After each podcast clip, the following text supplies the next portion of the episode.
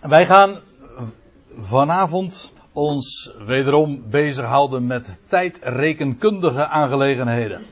Zoals we dat dit hele seizoen dat al doen en ook nog zullen doen, want er volgen nog heel wat avonden. Zo de Heer wil en wij leven, zeg ik er dan maar voorzichtigheidshalve bij.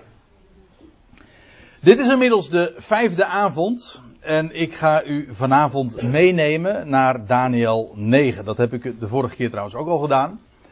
En een volgende keer zal ik dat wederom doen.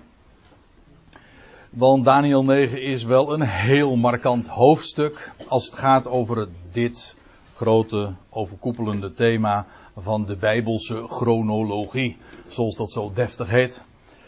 Of zoals we het wat uh, populairder hebben weergegeven onder de titel Reken maar. De vijfde avond. En ja, we hebben steeds meer om terug te blikken, maar ik vind het erg belangrijk om even goed de basis nog in ogenschouw te nemen. Wat we tot dusver in grote lijnen uiteraard hebben gezien. Wel, die eerste avond hebben we ons onder andere hiermee bezig gehouden. Over de tijd van Adam, dat wil zeggen vanaf zijn creatie tot aan de geboorte van Abraham. En wat bleek, dat was ook nog eens hetzelfde jaar als waarin Noach kwam te overlijden. In totaal is dat precies 2000 jaar geweest, mits je tenminste goed rekent. Uh, dat wil zeggen alle verwekkingsleeftijden bij elkaar optelt, maar wel goed middelt. Nou, dat hebben we toen ook besproken. Dat wil zeggen, je moet van al die verwekkingsleeftijden een half jaar aftrekken. Anders krijg je uh, geen, uh, geen zuiver beeld. Maar in ieder geval kom je dan op dit totaal. 2000 jaren. En dat, wat we vervolgens gezien hebben, is zijn iedere keer cycli van 500 jaren. Ik zou het ook anders kunnen zeggen. Maar die uitdrukking ga ik uh, vanavond nog meerdere malen bezigen. Dus uh, dat reserveer ik even voor een later tijdstip. Van Abraham, dat wil zeggen vanaf zijn geboorte, tot aan de uittocht uit Egypte is weer precies 500 jaar. Die tijd van Abraham, Isaac Jacob. Vervolgens de gang naar Egypte, de verdrukking daar, honderden jaren en uiteindelijk leidde dat dan tot de uittocht. En die termijn wordt ook nogal precies aangegeven op verschillende wijzen zelfs. We weten in ieder geval dat de geboorte van Isaac plaatsvond 100 jaar na de, uh, Abrahams geboorte, dus dat was in het jaar 2100. En 400 jaar later, dat wordt heel duidelijk en uitdrukkelijk ook zo in dit vers aangegeven in Genesis 15, vers 13. 400 jaar later zou de uittocht plaatsvinden. Ik zeg het expres even zo, want dit was namelijk een voorzegging.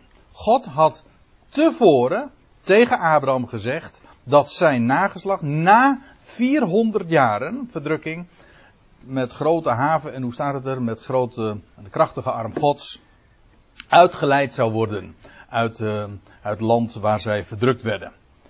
Dus niet alleen maar wordt daarbij aangegeven wat er zo al zou gaan plaatsvinden, maar ook wanneer. En dat is heel bijzonder. En we zullen dat vanavond nog uh, weer opnieuw gaan zien. En de komende avonden zal dat vaak een onderwerp zijn van, van gesprek en van studie. God blikt niet alleen in de schriften terug, maar ook vooruit met dezelfde zekerheid. Want wat blijkt dan? Als inderdaad die uittocht plaatsvindt, na, in dat 500ste jaar na Abrahams geboorte, dan staat er nog bij dat het, het was 430 jaar na de belofte, namelijk aan Abraham, op de dag nauwkeurig. Dus niet alleen op het jaar nauwkeurig, maar ook nog eens op de dag nauwkeurig. Dat staat dan in Exodus 12, vers 40. De Septuagint is daar uh, nog wat preciezer zelfs in. In elk geval in Gelaten 3, vers 17 lezen we dat ook. Die 500 jaren is dus verdeeld in 70 jaren. Dat wil zeggen van Abrahams geboorte tot aan zijn 70ste jaar. Toen kreeg hij van God de belofte in Ur der Galdeeën. En nou ja, de rest weet u, kent u. En vanaf dat 70ste jaar krijg je dan een periode van 430 jaren Tot aan de uittocht uit Egypte. Dus dan zijn we inmiddels in het jaar 2500. Nou, alle typologische bijzonderheden laat ik nu even voor wat ze zijn. Dat het het 50ste jubeljaar was, daar hebben we het bij andere gelegenheden dan over gehad. Ik ga het me nu eventjes om, om de tijdlijn en de motieven daarvoor en de gronden daarvoor nog eventjes op een rijtje te zetten. Dan krijgen we opnieuw weer een periode van exact 500 jaar, namelijk vanaf de Exodus, dus vanaf de uittocht uit Egypte, tot aan Salomo aan toe. Dat wil zeggen, tot aan de tempelbouw en de bouw van zijn paleis aan toe. Dat, dat is dus de hele periode van, nou ja, vanaf de uittocht, de woestijnreis, 40 jaren, en 10 jaar later, dus dat was weer 50 jaren, 50 jaar na de Exodus, dat, dan begint ook de, dan wordt het land verdeeld en dan begint ook de telling van Sabbatsjaren. Dus feitelijk de, dus de telling van jaren synchroniseert zich daarmee met de, dus de sorry? Van de Sabbatjaren en de Jubelsjaren, ja precies. Die, die twee worden dan gesynchroniseerd. Perfecte uh, fenomeen, maar even los daarvan, dan krijg je natuurlijk dan de periode van de richteren. Een paar honderd jaar, dan krijg je koning Saul, David en dan Salomo. Wel, we weten, en dat, wordt, dat is een gouden tekst, eh, want dat is een heel belangrijk steunpunt in 1 Koningin 6 vers 1.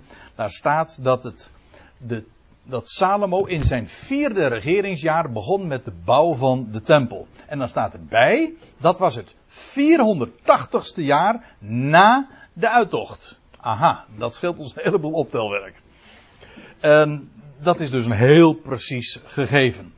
En dan lees je vervolgens, op meerdere plaatsen trouwens, maar ik geef hier er maar één tekst even bij, verwijzing naar 2 Kronieken 8. De bouw van die tempel inclusief de bijbehorende eh, gebouwen, namelijk het paleis ook van Salomo. Dat, dat duurt 20 jaar, dat wil zeggen 20 jaar plus die 480 jaar. En dan ben je dus weer 500 jaar verder. En dan zijn we dus in het jaar 3000 aangekomen vanaf de creatie van Adam.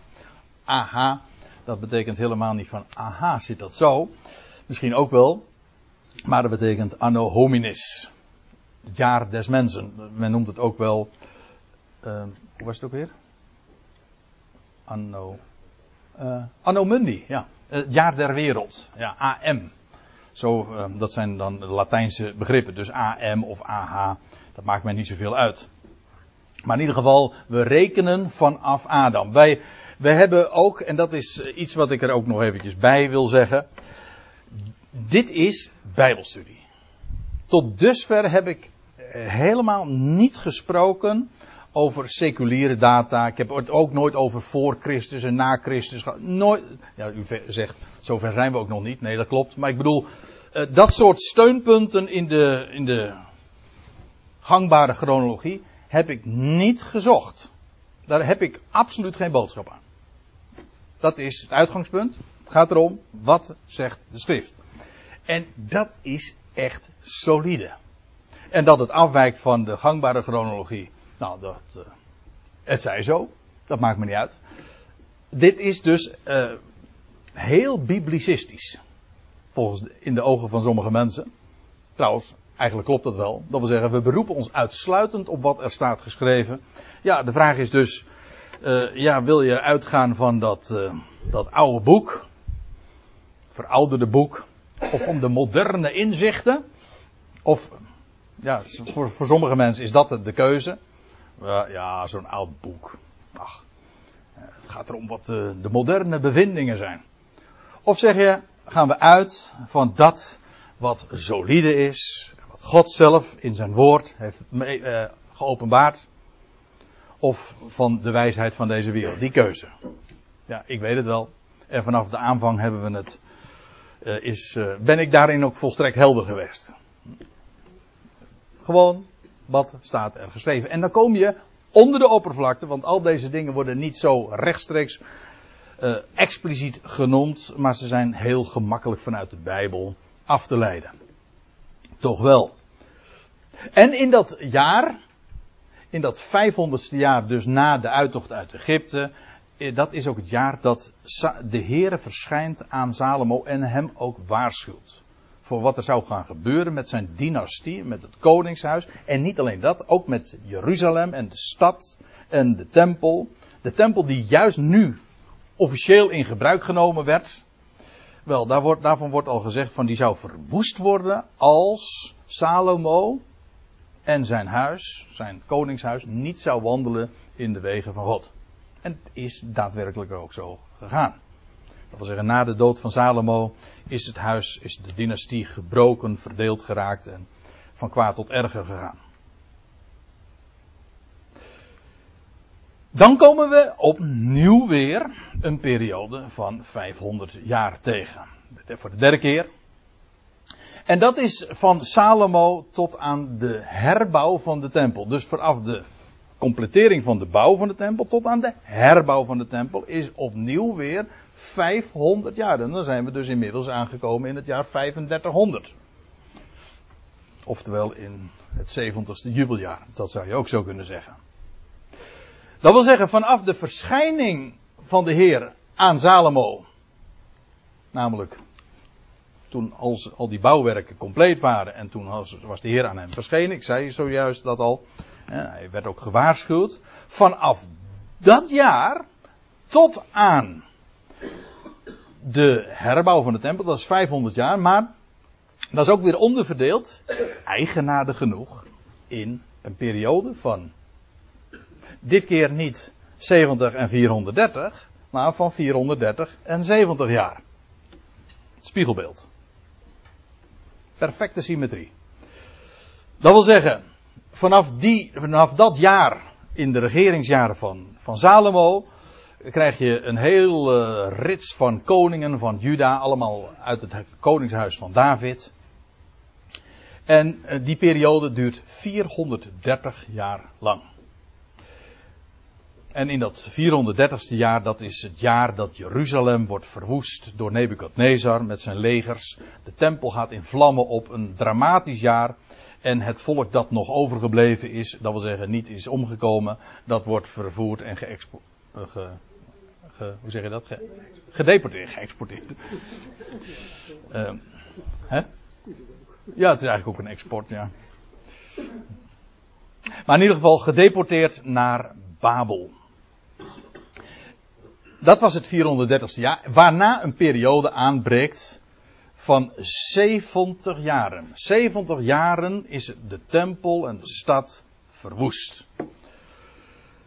En ja, dat lees je dus uh, in Daniel 9, vers 2. Ik geef de belangrijkste verwijzingen er ook even bij. Die 430 jaar, daar kwamen we op uh, via verschillende wijzen trouwens nog toe. Want ook als je de koningen bij elkaar optelt op een speciale manier dan kom je net zo goed tot het aantal. Maar we worden daarin bevestigd. Dus het is perfect, het is duidelijk. En eigenlijk ook inmiddels wel min of meer voorspelbaar als je dat dan ziet. Hè? 500 jaar, 500 jaar, weer 500 jaar.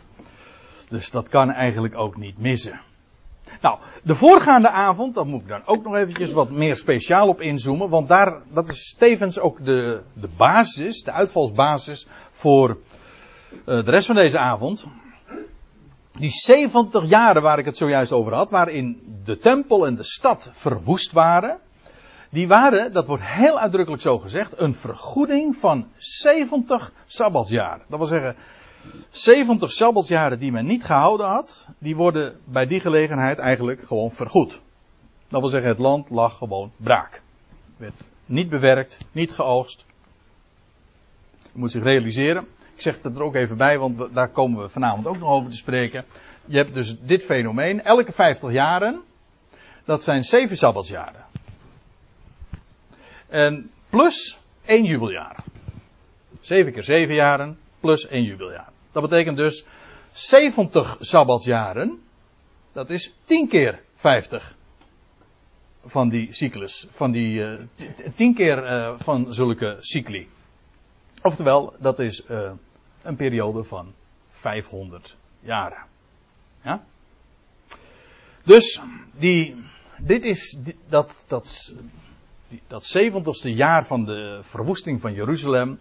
Dat was tevens ook weer de afsluiting van een periode van 500 jaren. En van 70 sabbatsjaren cycli.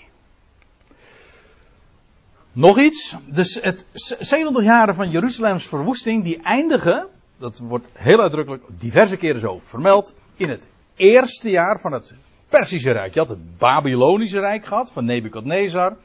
En nou ja, 70 jaar na de verwoesting van Jeruzalem krijg je het Persische Rijk. Dat wil zeggen, Babel wordt veroverd door de Persen, door de Meden en de Persen. Koning Kores. Deze illustre figuur, daar hebben we het de vorige keer nog uh, uitgebreid ook over gehad. Nou, en toen zijn we in Daniel 9 aangekomen. Want in Daniel 9 lees je dan dat de inmiddels eh, hoogbejaarde Daniel, want hij is al dik in de 80 tegen de 90, maar nog steeds in een zeer hoge positie, ook in de transitie van dat wereldrijk, blijft hij die hoge positie behouden. Hij ook als balling kon zich dat uh, permitteren, zeg maar. De hooggeplaatste Daniel die merkt op dat de geprofeteerde termijn ten einde is. Dat lees je dan in het begin van Daniel. Hij weet, hij wist. Ja, Jeremia had ook die termijn al voorzegd. Ik zei al, de, vier, de 400 jaren ooit aan Abraham waren door God op het jaar nauwkeurig voorzegd. Maar die 70 jaren waren ook nauwkeurig voorzegd. Voordat het volk in ballingschap ging, voordat Jeruzalem zelfs al verwoest werd, was, had God al gezegd bij monden van Jeremia, het zal, het zal verwoest worden en het zal verwoest liggen, een puinhoop zijn, 70 jaren lang. Duidelijk. Nou, en dan is het inmiddels die termijn verstreken en dan merkt Daniel dat op. En dat is de aanleiding van nou, Daniel 9. En dan lees je dat Daniel echt een geweldig gebed uitspreekt. We hebben het de vorige keer, ja, voor het grootste gedeelte, hebben we dat ook gelezen met elkaar. Niet alles zo heel uitgebreid besproken, maar het is heel aangrijpend. Het is schitterend zoals Daniel dan de mond is van het volk en namens eh, zijn, zijn volk spreekt Daniel een, een schuldbeleidenis uit en erkent hij ook waarom het, uh, in balling, waarom het volk in ballingschap moest en waarom Jeruzalem verwoest moest worden. En dat, dat het een goddelijk oordeel was dat God ook waakte over zijn woord. Dat wil zeggen, God had het voorzegd en dat doet hij het ook. Kijk, zijn belofte, dat is positief, maar het is net zo goed ook in, in de negatieve zin. Als hij waarschuwt, dan doet hij dat niet zomaar. Dan, hij houdt woord. En, nou ja, dat alles erkent Daniel dan ook. Nou, en dan zegt Daniel tijdens, uh, dan lees je dat hij tijdens zijn gebed wordt onderbroken. Door Gabriel. Want wat lees je? Uh, in, ja, ik geef het, uh, de versen er eventjes bij. Da Koning Kores, die grote machtige man, die vaardigt het woord uit om Jeruzalem te herbouwen. Dus terwijl, terwijl Daniel opmerkt van de termijn is verstreken, hij gaat in gebed en hij spreekt een schuldbelijdenis uit. In, tijdens dat gebed, er staat letterlijk zelfs aan het begin van dat gebed, dus Daniel heeft zijn mond geopend en, en koning Kores, die vaardigt een bevel uit dat Jeruzalem herbouwd zou worden. En ja, ik heb u dat verhaal verteld. Het is een schitterend verhaal. Ik heb, heb Jezaja, Jeremia gelezen, met name Jezaja. Kores was namelijk al tevoren door God geroepen. Bij name. 200 jaar voor zijn geboorte had God zijn naam al genoemd dat hij degene zou zijn die ooit Jeruzalem en de tempel zou gaan herbouwen. En toen Kores dat onder ogen kreeg, dat zijn eigen naam vermeld was door de Hebreeuwse profeet Jezaja, toen was hij zo flabbergasted, zeggen ze dan. Hm? Dat zo zal uh, Kores het niet gezegd hebben, maar dat is toch ongehoord. Dat is, maar ja, hij, hij, hij, heeft dat vastgesteld. En Daniel heeft hem ongetwijfeld, dat lijkt mij tenminste, uh, daarover verteld. Die stonden, ja, Daniel was een hoge, hoge piet, zeg maar. Nee, dat heeft niks met mijn achternaam te maken. denkt u, of ook niet met, uh, met de feesten die uh, recentelijk gevierd zijn. Nee, hij was een hooggeplaatst man. En uh, ja, hij heeft daarover gesproken. En in ieder geval, Kores is het onder ogen gekomen. En hij heeft dat. Ja, hij wist trouwens bovendien niet alleen maar dat hij het moest gaan doen, want hij was bij name genoemd. Hij wist ook nog wanneer hij het moest doen, want Jeremia had dat ook al geprofiteerd. Het 70ste jaar, nou dat was voorbij. Dus hij wist wat hem te doen stond, en dat het hem te doen stond, en ook wanneer hij, wanneer hij het moest doen. Dus ja, hoe helder wil je het hebben? Dus da, vandaar ook dat koning Kores ook zegt, God heeft mij, God heeft mij opgedaan. Een heidense koning. Dus niet een, een Jood of zo, een heidense koning die dat zo ook zegt. Ja, is geweldig. Nou, en dan lees je inderdaad, en dat is de schakel naar wat ik, naar, als ik de Bijbelstudie eigenlijk pas echt begin, want dit was allemaal nog terugblik. De engel Gabriel die onderbreekt dan Daniels gebed. Waarom? Om, om hem mee te delen dat deze uitvaardiging, dit woord is, uh, dit woord door Kores is uitgevaardigd. Dit bevel is gegeven om Jeruzalem te doen herbouwen en de tempel. Nou, zover waren we gekomen. En ik ga nu met u verder naar, uh, naar Daniel 9. En wijs er eventjes op, ik ga vanavond verder in de Statenvertaling. Die SV staat voor de Statenvertaling, dat ben ik niet gewoon. Meestal lees ik uit de NBG-vertaling, vanwege, omdat het wat gangbaarder Nederlands is. Maar echt, de, in dit geval de Statenvertaling uh, is gewoon veel, veel beter.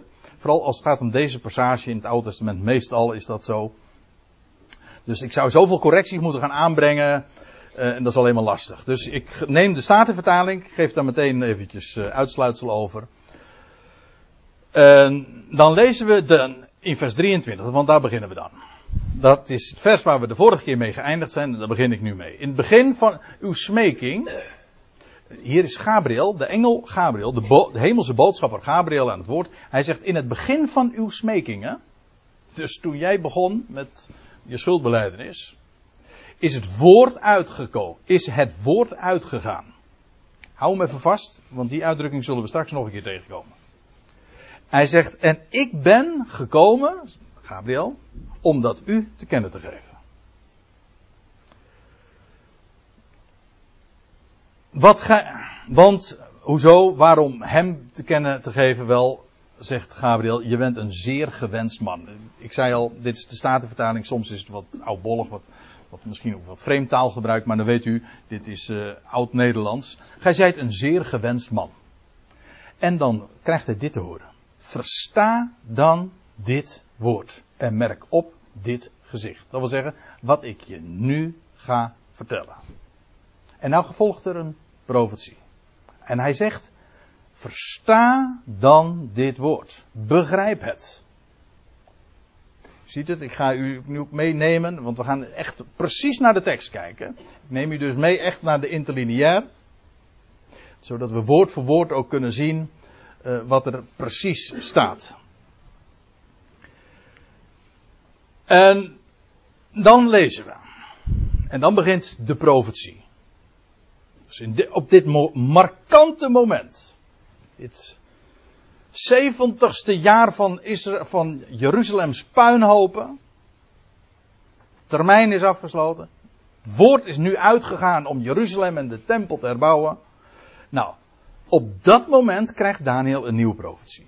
En dan staat er 70 weken zijn bestemd. Eerst even dit. 70 weken. Letterlijk staat er 70 zevens. 70 zevens. Wat niet echt spectaculair is, want een week is voor ons ook gewoon een zevental. Maar zo staat het er dan ook echt in het Hebreeuws. 70 zevens. En ja, dat moet ik erbij zeggen. Dat kan in het Hebreeuws verschillende dingen betekenen. Dat wil zeggen, ja, wat is een week? Kijk, wij spreken uh, altijd over een week van dagen. De grap is trouwens dat een paar versen later Daniel dit ook weer doet. Nou ja, als u een MBG-vertaling hebt, dan komt het niet uit de verf. Maar in de Statenvertaling zie je dat. In Daniel 10, vers 2, dan lees je dat hij over drie weken van dagen was hij uh, niet goed. Of was hij ontsteld. Hè? Treurende. Treurende, ja. Ook, ook staat de vertaling, ja. Drie weken van dagen. Ja, dat moet je er dan even bij vermelden, want net in het voorgaande had hij het over heel andere soorten weken gehad. Ook weken, ook zeventallen. Maar dan niet op, op, daar, op het niveau van, van dagen van 12 uur of van etmalen van 24 uur, hoe je het maar hebben wil. Nee, een ander soort jaar. Een ander soort zevens. Een ander soort weken. En nou neem ik u weer mee naar Leviticus 25. Want het is erg belangrijk om dit te begrijpen. Over wat voor zevens heeft hij het? Ik neem u ook trouwens nu mee naar de Statenvertaling, want daar staat dit. Gij zult u ook. Dit is trouwens niet de eerste keer dat we deze passage lezen. Ja, om uh, verschillende redenen zijn we er nu al diverse keren opgekomen. Je ontkomt er niet aan. Als het gaat om chronologie is dit een heel bazaal, centraal gegeven. Dat, die instelling van de sabbatsjaren en van de jubeljaren. En het loutere feit dat we iedere keer die blokken van tijd zagen. 2000 jaren. Dus gewoon 40 cycli van jubeljaren. Of uh, iedere keer 500 jaren. Dat zijn iedere keer cycli van jubeljaren. Nou, dan staat er in Leviticus 25 vers 8. Gij zult u ook tellen zeven jaarweken. Kijk. Dus niet weken van dagen, maar weken van jaren. Zevenmaal zeven jaren. Zodat de dagen der zeven jaarweken u 49 jaren zullen zijn. Zeven keer zeven dus. Hè? Nou, ziet u, hier die, dat begrip, jaarweken. Kijk, als God, of laat ik het anders zeggen, als Gabriel tegen Daniel aan het einde van deze 70 jaren gaat beginnen over 70 weken zijn bepaald, dan was dat voor Daniel helemaal geen moeilijk begrip, want het hele Hebreeuwse denken, gewoon vanuit de Tenach, is daarmee bekend. Oh ja, het was voor onachtzaam, kun je zeggen, dat is waar. maar dat was nu juist de hele reden. Die 70 jaren van Israëls puinhopen, dat waren jaren waarin sabbatsjaren vergoed werden. Nou, dit was het 70ste uh, sabbatsjaar. Hm? Dat vergoed werd. Nou, en nou gaat God op, uitgerekend in dat jaar, bij monden van Gabriel, um, iets voorzeggen. Opnieuw sprekend over jaarweken. Dat was, voor ons is dat misschien even een, een gedachtesprong. Van, ja, het gaat over weken van jaren, ja. Maar voor een Hebreeër, een Jood, iemand die de schriften kent, iemand die vertrouwd was met de Mosaïsche wetgeving, was dat gewoon ABC, heel basic. Dat wat God had gezegd over het land, nou, dit moest gebeuren. En dan staat er, daarna zult gij in de zevende maand, op de tiende van de maand, dus Yom Kippur trouwens, de tiende van de zevende maand is Yom Kippur. Dan zult de bazuin des geklanks doen doorgaan, en ik lees even verder, en gij zult dat vijftigste jaar tellen, uh, pardon, heilige, apart zetten. En vrijheid uitroepen in het land, vooral zijn inwoners, het zal u een jubeljaar zijn, dat vijftigste jaar. Dus je hebt dus zeven keer zeven jaren, Iedere zevende jaar was een sabbatsjaar. Werd het land niet bewerkt, niet geoogst. Nou ja, kortom, het lag braak.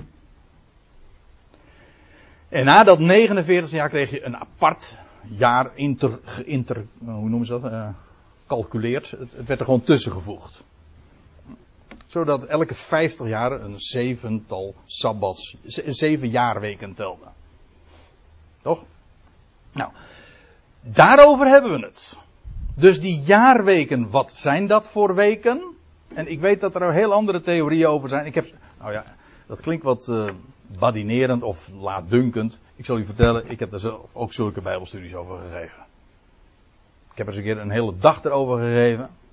Ik heb in Leiden ooit, god, dat zal al 25 jaar geleden geweest zijn, heb ik ook een, eh, een, hele serie avonden daarover gehouden. En toen heb ik het over profetische jaren gehad. Dat zijn geen jaren van 365 dagen, dat zijn dagen van 360 dagen. En ik, ik ken alle motieven. Maar, sorry, inmiddels, moet ik erbij zeggen. Uh, ja, weet ik meer.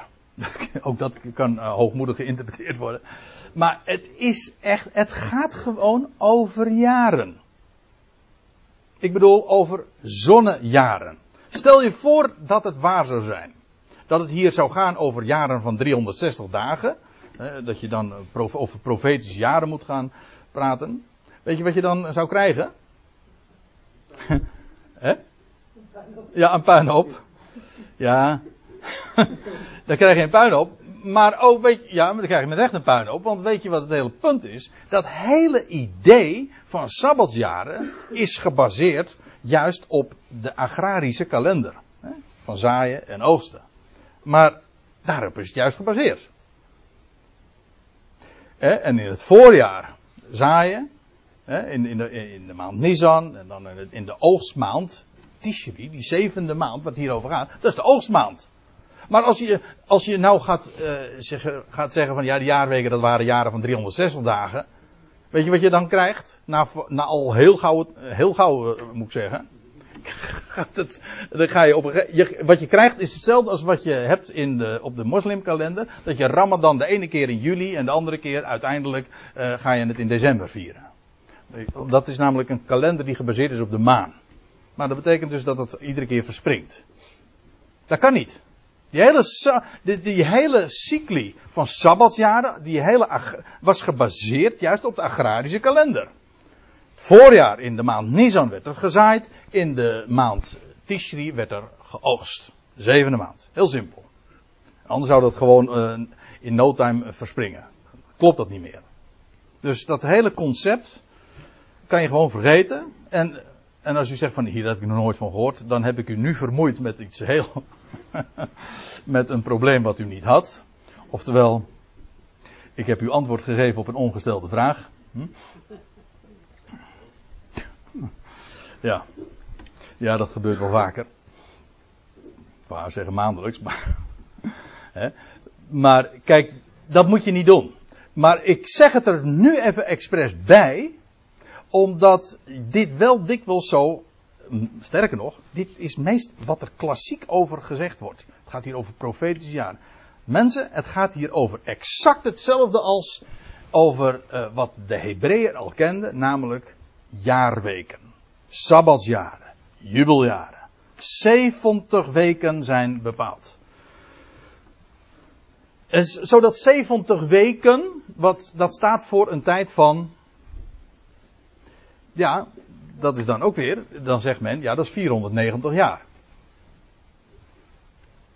Ja, precies. Dan vergeten ze tien jaren uh, te, niet te tellen. Want je hebt namelijk, na elke zevende sabbatjaar, wordt er een jaar bijgeteld, namelijk zo'n jubeljaar.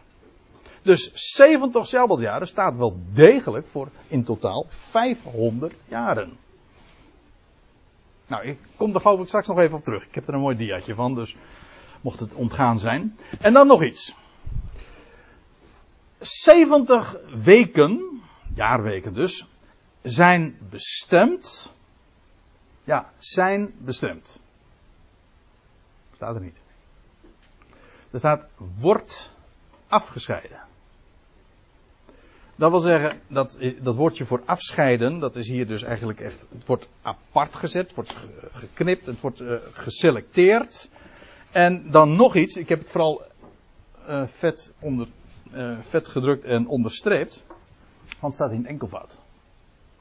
Er staat niet 70 weken zijn bestemd, het is een enkelvoud.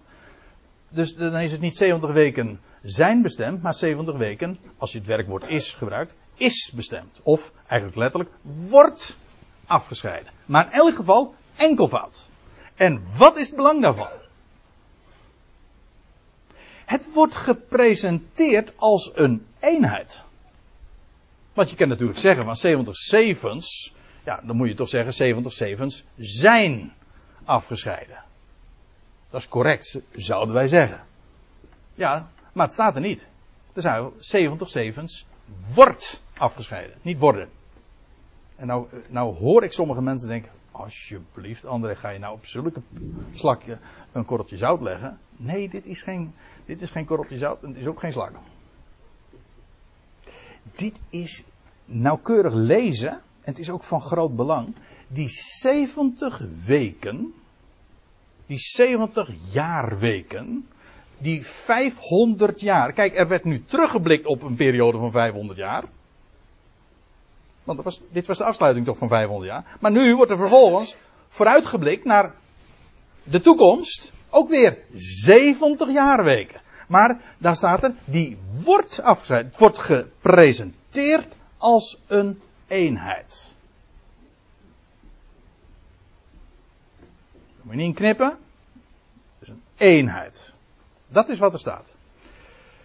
Ik ga dat nu nog niet uiteenzetten, dat was het belang hiervan. Maar een volgende keer wel. Maar dat, dat betekent dus dat tillen we over de jarenwisseling heen. Want dat wordt een hele gevoelige kwestie. Dat, weet ik, dat kan ik u nu al waarschuwen. En, uh, hè? Sorry? ja, afscheiding. nee, ik, uh, ik, ik, moet daar eens uh, een hele avond uh, aan gaan wijden. Ik heb het, u zag het bij de aankondiging, die eerste dia. De titel is van deze avond De 7 en 62 weken. Dat wil zeggen, uh, ik, één week blijft nog onbesproken. Dat wat na die 69 weken plaats gaat vinden, daar, we, daar gaan we vanavond niet over hebben. Dus dat wordt inderdaad plan 2016. Maar even dit. 70 weken is bestemd. Wat de consequenties daarvan zijn, daar gaan we het nog over hebben. Maar nu wijs ik u alleen op het taalkundige gegeven. Het wordt gepresenteerd als een eenheid. That's it. Gewoon, punt. Nou, en dan staat er, die 70 weken zijn bestemd. Ja, of die, die worden dus afgescheiden, uh, wo, wordt afgescheiden.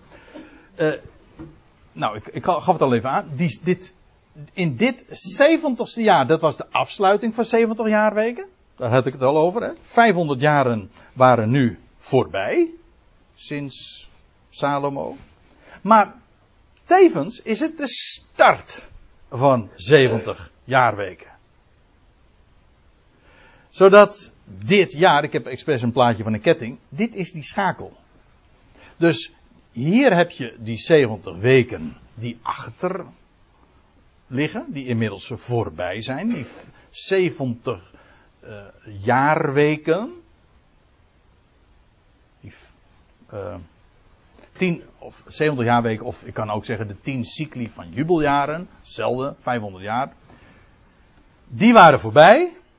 En nu zegt Gabriel, monden van God, of nee, God bij monden van Gabriel. 70 weken wordt nu afgescheiden. Dat wil zeggen, het ga ik over spreken met betrekking tot de toekomst. Dus het is ook de start van de navolgende 500 jaar. Het bijzondere is, natuurlijk, dat we tot dusver ons grotendeels hebben bezighouden met terugblikken. Dat wil zeggen, als historie. Tijd die inmiddels achter ons ligt. En dan wordt er gezegd, nou ja, bijvoorbeeld uh, in, uh, in 1 Koningen 6 lazen van, het was het 480ste jaar na de uittocht. Nou, dan is het historie. Dan ligt dat inmiddels achter je. Nu gaan we iets echt heel spectaculairs zien. Want nu wordt 500 jaren aan Daniel geopenbaard. Gewoon de komende 70 jaarweken. Op voorhand. Wat er gaat gebeuren. Niet zo van wat er gebeurd is. Maar voor God maakt dat dus geen enkel verschil. Die het heden kent. De toekomst overziet. En of hij nou spreekt over gisteren. Is zo betrouwbaar. Als dat hij spreekt over morgen. En het is me nogal niet een tijd. Ja, wat heet. Hè? Maar 500 jaar, 70 jaarweken. Die worden hier aangekondigd. En die 70 weken, die hebben betrekking, staat er, op jouw volk en op jouw heilige, op de heilige stad. Nou, dat was voor Daniel dus niet moeilijk te begrijpen op wie het betrekking heeft. Dit gaat niet over de natieën, dit gaat over één stad daar, Midden-Oosten. Die stad die op dat moment, dat Daniel dit hoorde, nog compleet in puin lag. Maar over die stad gaat het. En ook over zijn volk. Zijn, het volk Israël. Of zo u wilt, het Joodse volk. Dat volk, daar, deze profetie heeft daarop betrekking. En nou ga ik een hele aantal uitdrukkingen even overslaan, omdat ik die gereserveerd heb voor de volgende keer. Omdat dit namelijk allemaal betrekking heeft op, die, op waar het op uitloopt. Namelijk die 70 weken. Maar wat we hier nu krijgen, dat zijn zes oogmerken, zes doelstellingen. Maar die gaan we dus, daar ga ik het over hebben. Maar nogmaals, dat wordt de volgende keer. Omdat het allemaal te maken heeft met wat er zal plaatsvinden na die 69 weken. Er staat erbij om de overtreding te sluiten, om de zonden te verzegelen, om de ongerechtigheid te verzoenen en om een eeuwige gerechtigheid of rechtvaardigheid van Ionen aan te brengen. Ja, ik moet me nu echt inhouden, want ik zou al nu al erover wat willen zeggen, maar ik doe het expres niet. Maar in ieder geval, één ding is duidelijk. Dit, die, die 70 jaarweken waar Gabriel het hier over heeft, die lopen hieruit. Op uit. Op deze dingen. Even los van de vraag wat het precies betekent, maar je hebt wel in de gaten van dit heeft iets toch te maken met, met een messiaanse tijd. Met alles wat met de Messias te maken heeft. Zonde te verzegelen, ongerechtigheid te verzoenen, een gerechtigheid van Ionen aan te brengen, om gezicht en profeet te verzegelen. Oei. En om de heiligheid der heiligheden te zalven. Ja. Houd even in gedachten. Doe net als Maria. Bewaar deze woorden in je hart. En dan gaan we het een, uh, en overdenk ze. En dan gaan we het een, uh, de volgende gelegenheid daarover hebben. Laten we eerst eens verder lezen. Weet dan, wordt tegen Daniel gezegd door Gabriel. Weet dan, je moet dit eerst weten en versta het ook, dat is twee dingen. Eerst, moet, je krijgt iets te horen, dan weet je het. Maar begrip komt meestal later dat heeft te maken met ja, intelligentie. Dat bedoel ik niet in de zin van IQ, maar wel met begrip. Verstaan. Weet waar het over gaat. Weet dan en versta. Van de uitgang des woords. Om te doen wederkeer, om Jeruzalem te bouwen. Maar even dit. Om de.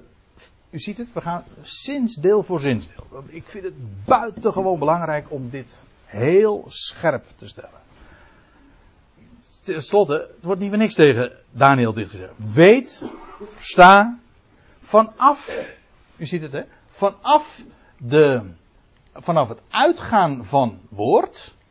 En deze uitdrukking, die zijn we ook al tegengekomen in vers 23. Precies hetzelfde. Dus identiek. Want wat lazen we daar? Hier staat dus vanaf, vanaf, dus nou weten we, wanneer, vanaf wanneer worden, gaan die 70 weken uh, nou uh, gerekend worden? Wat is, wat is startmoment? Wanneer gaat de, de zeg maar ingedrukt worden? Vanaf welke tijd uh, rekent, wordt deze termijn ge, gerekend? Ook niet alleen maar waar het uitloopt, maar ook waar begint het? Dat is erg belangrijk, nietwaar? Waar beginnen we te rekenen? Nou, er staat hier vanaf het, de uitgang des woords. Wordt nog nader uitgelegd. Maar eerst even dit. Deze uitdrukking komen we dus ook tegen in vers 23. Want wat lazen we? we ik heb het zojuist nog voorgelezen. Maar nu wijs ik u even op het feit dat het, het identiek is. Er werd tegen Daniel gezegd door Gabriel. Bij het begin van uw smeek, smeekbeden is er een woord uitgegaan. Hij zegt, en ik ben gekomen om het jou mee te delen, want je bent zeer bemind. Let dus op het woord en sla acht op het gezicht een woord uitgegaan. Van wat? Nou, het punt was, de termijn van 70 jaar van verwoesting van Jeruzalem was verstreken. Dat was de aanleiding van Daniels gebed. En nou was Daniels gebed, had als uitloper, dat hij uiteindelijk tegen God zegt, O Heer, toef niet langer. Dat wil zeggen, laat niet af. Dat wil zeggen, de termijn is verstreken, toef niet, om uw zelfs wil. Dat wil zeggen, u hebt gesproken.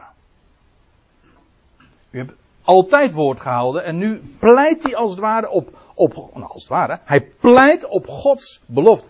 Er, er staat geschreven, Jeremia heeft gezegd, hij was een profeet van u, hij heeft gezegd 70 jaren. Nou is het 70ste jaar. Nou zegt hij, het hoeft niet. Dat vraagt hij. Dat zijn beden. En hij gaat diep door het stof. En wat is nou geweldige? Dat vanaf het begin van zijn smeekbeden is het woord uitgegaan. En Gabriel komt het er gewoon vertellen. Nou, de mededeling van Gabriel is gewoon: Daniel, het woord is uitgegaan. Jouw gebed was: Heer, het hoeft niet. Inmiddels kan ik je vertellen: het, het woord is al uitgegaan, namelijk om Jeruzalem te doen herbouwen. Dat is de aanleiding. Dus als hier staat, weet dan en versta vanaf de uitgang van het woord, dan weet je eigenlijk al meteen waar het over gaat. Namelijk het woord dat zojuist is uitgegaan. Daniel krijgt het, heeft het net een minuut geleden bij wijze van spreken gehoord. Het woord is uitgegaan waar jij om gebeden hebt. Namelijk dat Jeruzalem herbouwd zou worden. Dat moest toch gebeuren in dit jaar? Nou, Gabriel zegt alsjeblieft, het is gebeurd. Het woord is uitgegaan. Nou, dat was dus het einde van 70 jaren. Die door Jeremia was voorzegd. En tevens is het het begin van een hele nieuwe periode van opnieuw 70 jaarweken. 70 weken van jaren zijn, of wordt, pardon, afgescheiden. Voor jouw volk, de heilige stad. Nou, waar het op uitloopt, prachtig onderwerp, hebben we het nu niet over. Dat gaan we het nu eventjes. Vanaf wanneer moeten we nou rekenen? Nou, het staat hier. Vanaf het, vanaf de, vanaf, vanaf de uitgang van, vanaf het uitgaan van woord. En staat er hier nog bij, trouwens, mocht het je ontgaan zijn. Om het uitgang van het woord, namelijk om te doen wederkeren en om Jeruzalem te bouwen. Vanaf dat moment. En wie deed dat? Ja. Nou, dat is namelijk het woord dat zojuist is uitgegaan. En het is ook, ik heb nog, als u nog niet tevreden bent, dan heb ik er hier nog eentje. Wat had, wat had God gezegd tegen, ooit, tegen Jezaja? Of door, door Jezaja. En wat had Kores, wat was Kores onder ogen gekomen? Dat was dit woord. Ik heb de vorige keer heb ik dat, de context van dat gedeelte wat uitgebreider laten zien. Ik, luister u, ik wijs u nu alleen eventjes op het 28e vers. Dat is in dit verband meer dan genoeg. Maar dan, dan, dan staat er in Jezaja 44 vers 28. Die tot Kores zegt, dat wil zeggen, God zegt tot Kores, mijn herder. Hij, dat wil zeggen Kores, zal al mijn welbehagen volvoeren. Door wat? Nou, door tot Jeruzalem te zeggen, het worden herbouwd. En bovendien, de tempel worden gegrondvest. Nou, dat was erg actueel, want beide lagen compleet in puin. Al 70 jaar. Nou, dat was het einde van de termijn. Daniel krijgt te horen. Het woord is uitgegaan. De stad wordt herbouwd. Door Kores. Ik leg grote nadruk op deze dingen.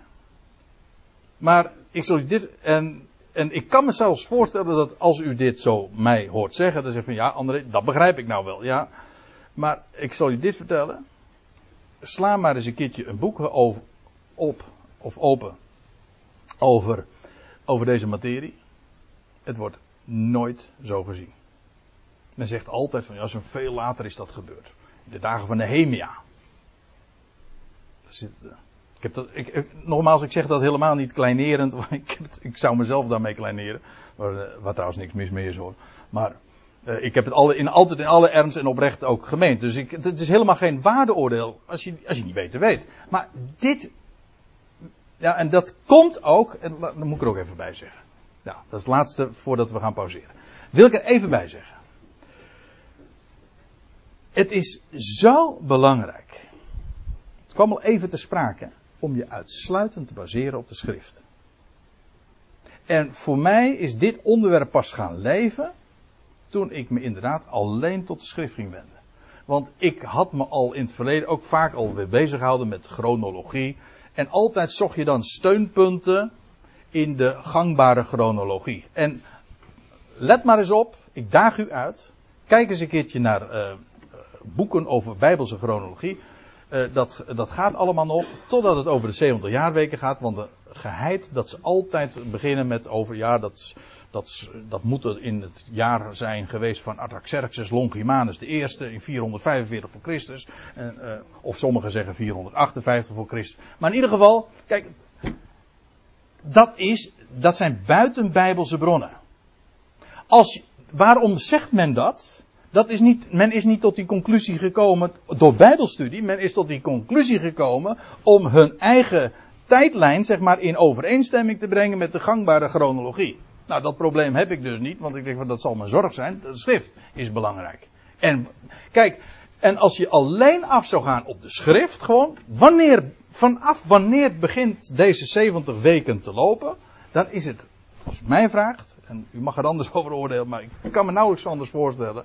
Als je gewoon er open-minded tegenaan kijkt, kan niet missen. Dit gaat over het woord dat Kores uitsprak, namelijk Jeruzalem zal herbouwd worden. Daarover gaat het. Daar begint die 70 weken te tellen. En waar je dan uitkomt, daar gaan we het straks over hebben.